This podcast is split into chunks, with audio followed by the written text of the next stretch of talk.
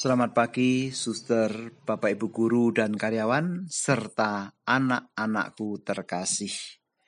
Mari pada pagi hari ini kita seluruh, kita awali seluruh aktivitas kita dengan mendengarkan sabda Tuhan. Mari kita berdoa dalam nama Bapa dan Putra dan Roh Kudus. Amin.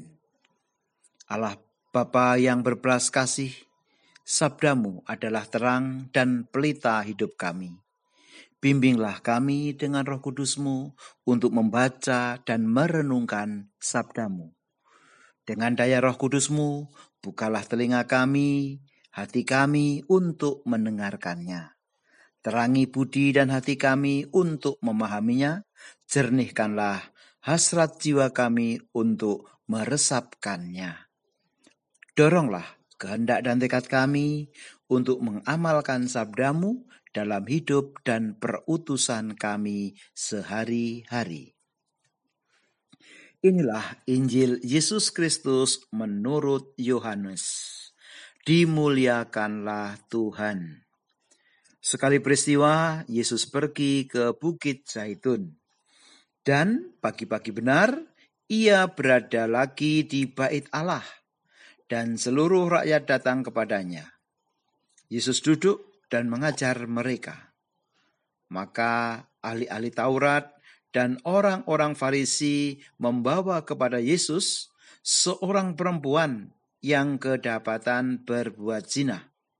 Mereka menempatkan perempuan itu di tengah-tengah lalu berkata kepada Yesus, "Rabi, perempuan ini tertangkap basah ketika ia sedang berbuat zina. Musa dalam hukum Taurat memerintahkan kita untuk melempari dengan batu perempuan-perempuan yang demikian. Apakah pendapatmu tentang hal ini?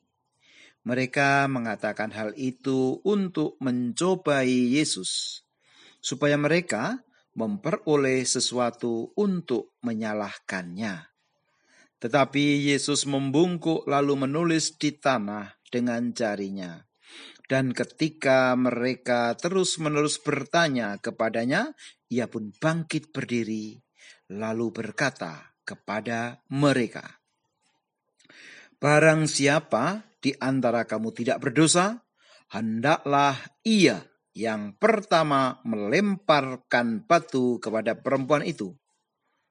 Lalu Yesus membungkuk pula dan menulis di tanah. Tetapi setelah mendengar perkataan itu, pergilah mereka seorang demi seorang, mulai dari yang tertua. Akhirnya tinggallah Yesus seorang diri dengan perempuan itu yang tetap di tempatnya. Lalu Yesus berdiri dan berkata kepadanya, "Hai perempuan, di manakah mereka? Tidakkah seorang yang menghukum engkau? Jawabnya, tidak ada Tuhan. Lalu Yesus berkata, Aku pun tidak menghukum engkau. Pergilah dan jangan berbuat dosa lagi mulai dari sekarang. Demikianlah Injil Tuhan. Terpujilah Kristus. Anak-anakku terkasih, suster, bapak ibu guru dan karyawan,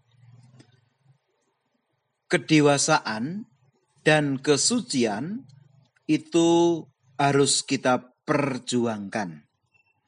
Jika kita merasa tidak berdosa hanya karena sudah tua, coba berhenti sejenak dari aktivitas dan lihatlah ke dalam diri banyak orang lebih mudah melihat kesalahan dan dosa orang lain. Nah, inti sikap mengampuni adalah memberikan ruang, kekuatan, dan kesempatan untuk mengalami hidup baru. Yesus mengampuni wanita yang berdosa. Pertanyaan refleksi kita, sudahkah kita memberi ruang dan kesempatan hidup bagi sesama kita?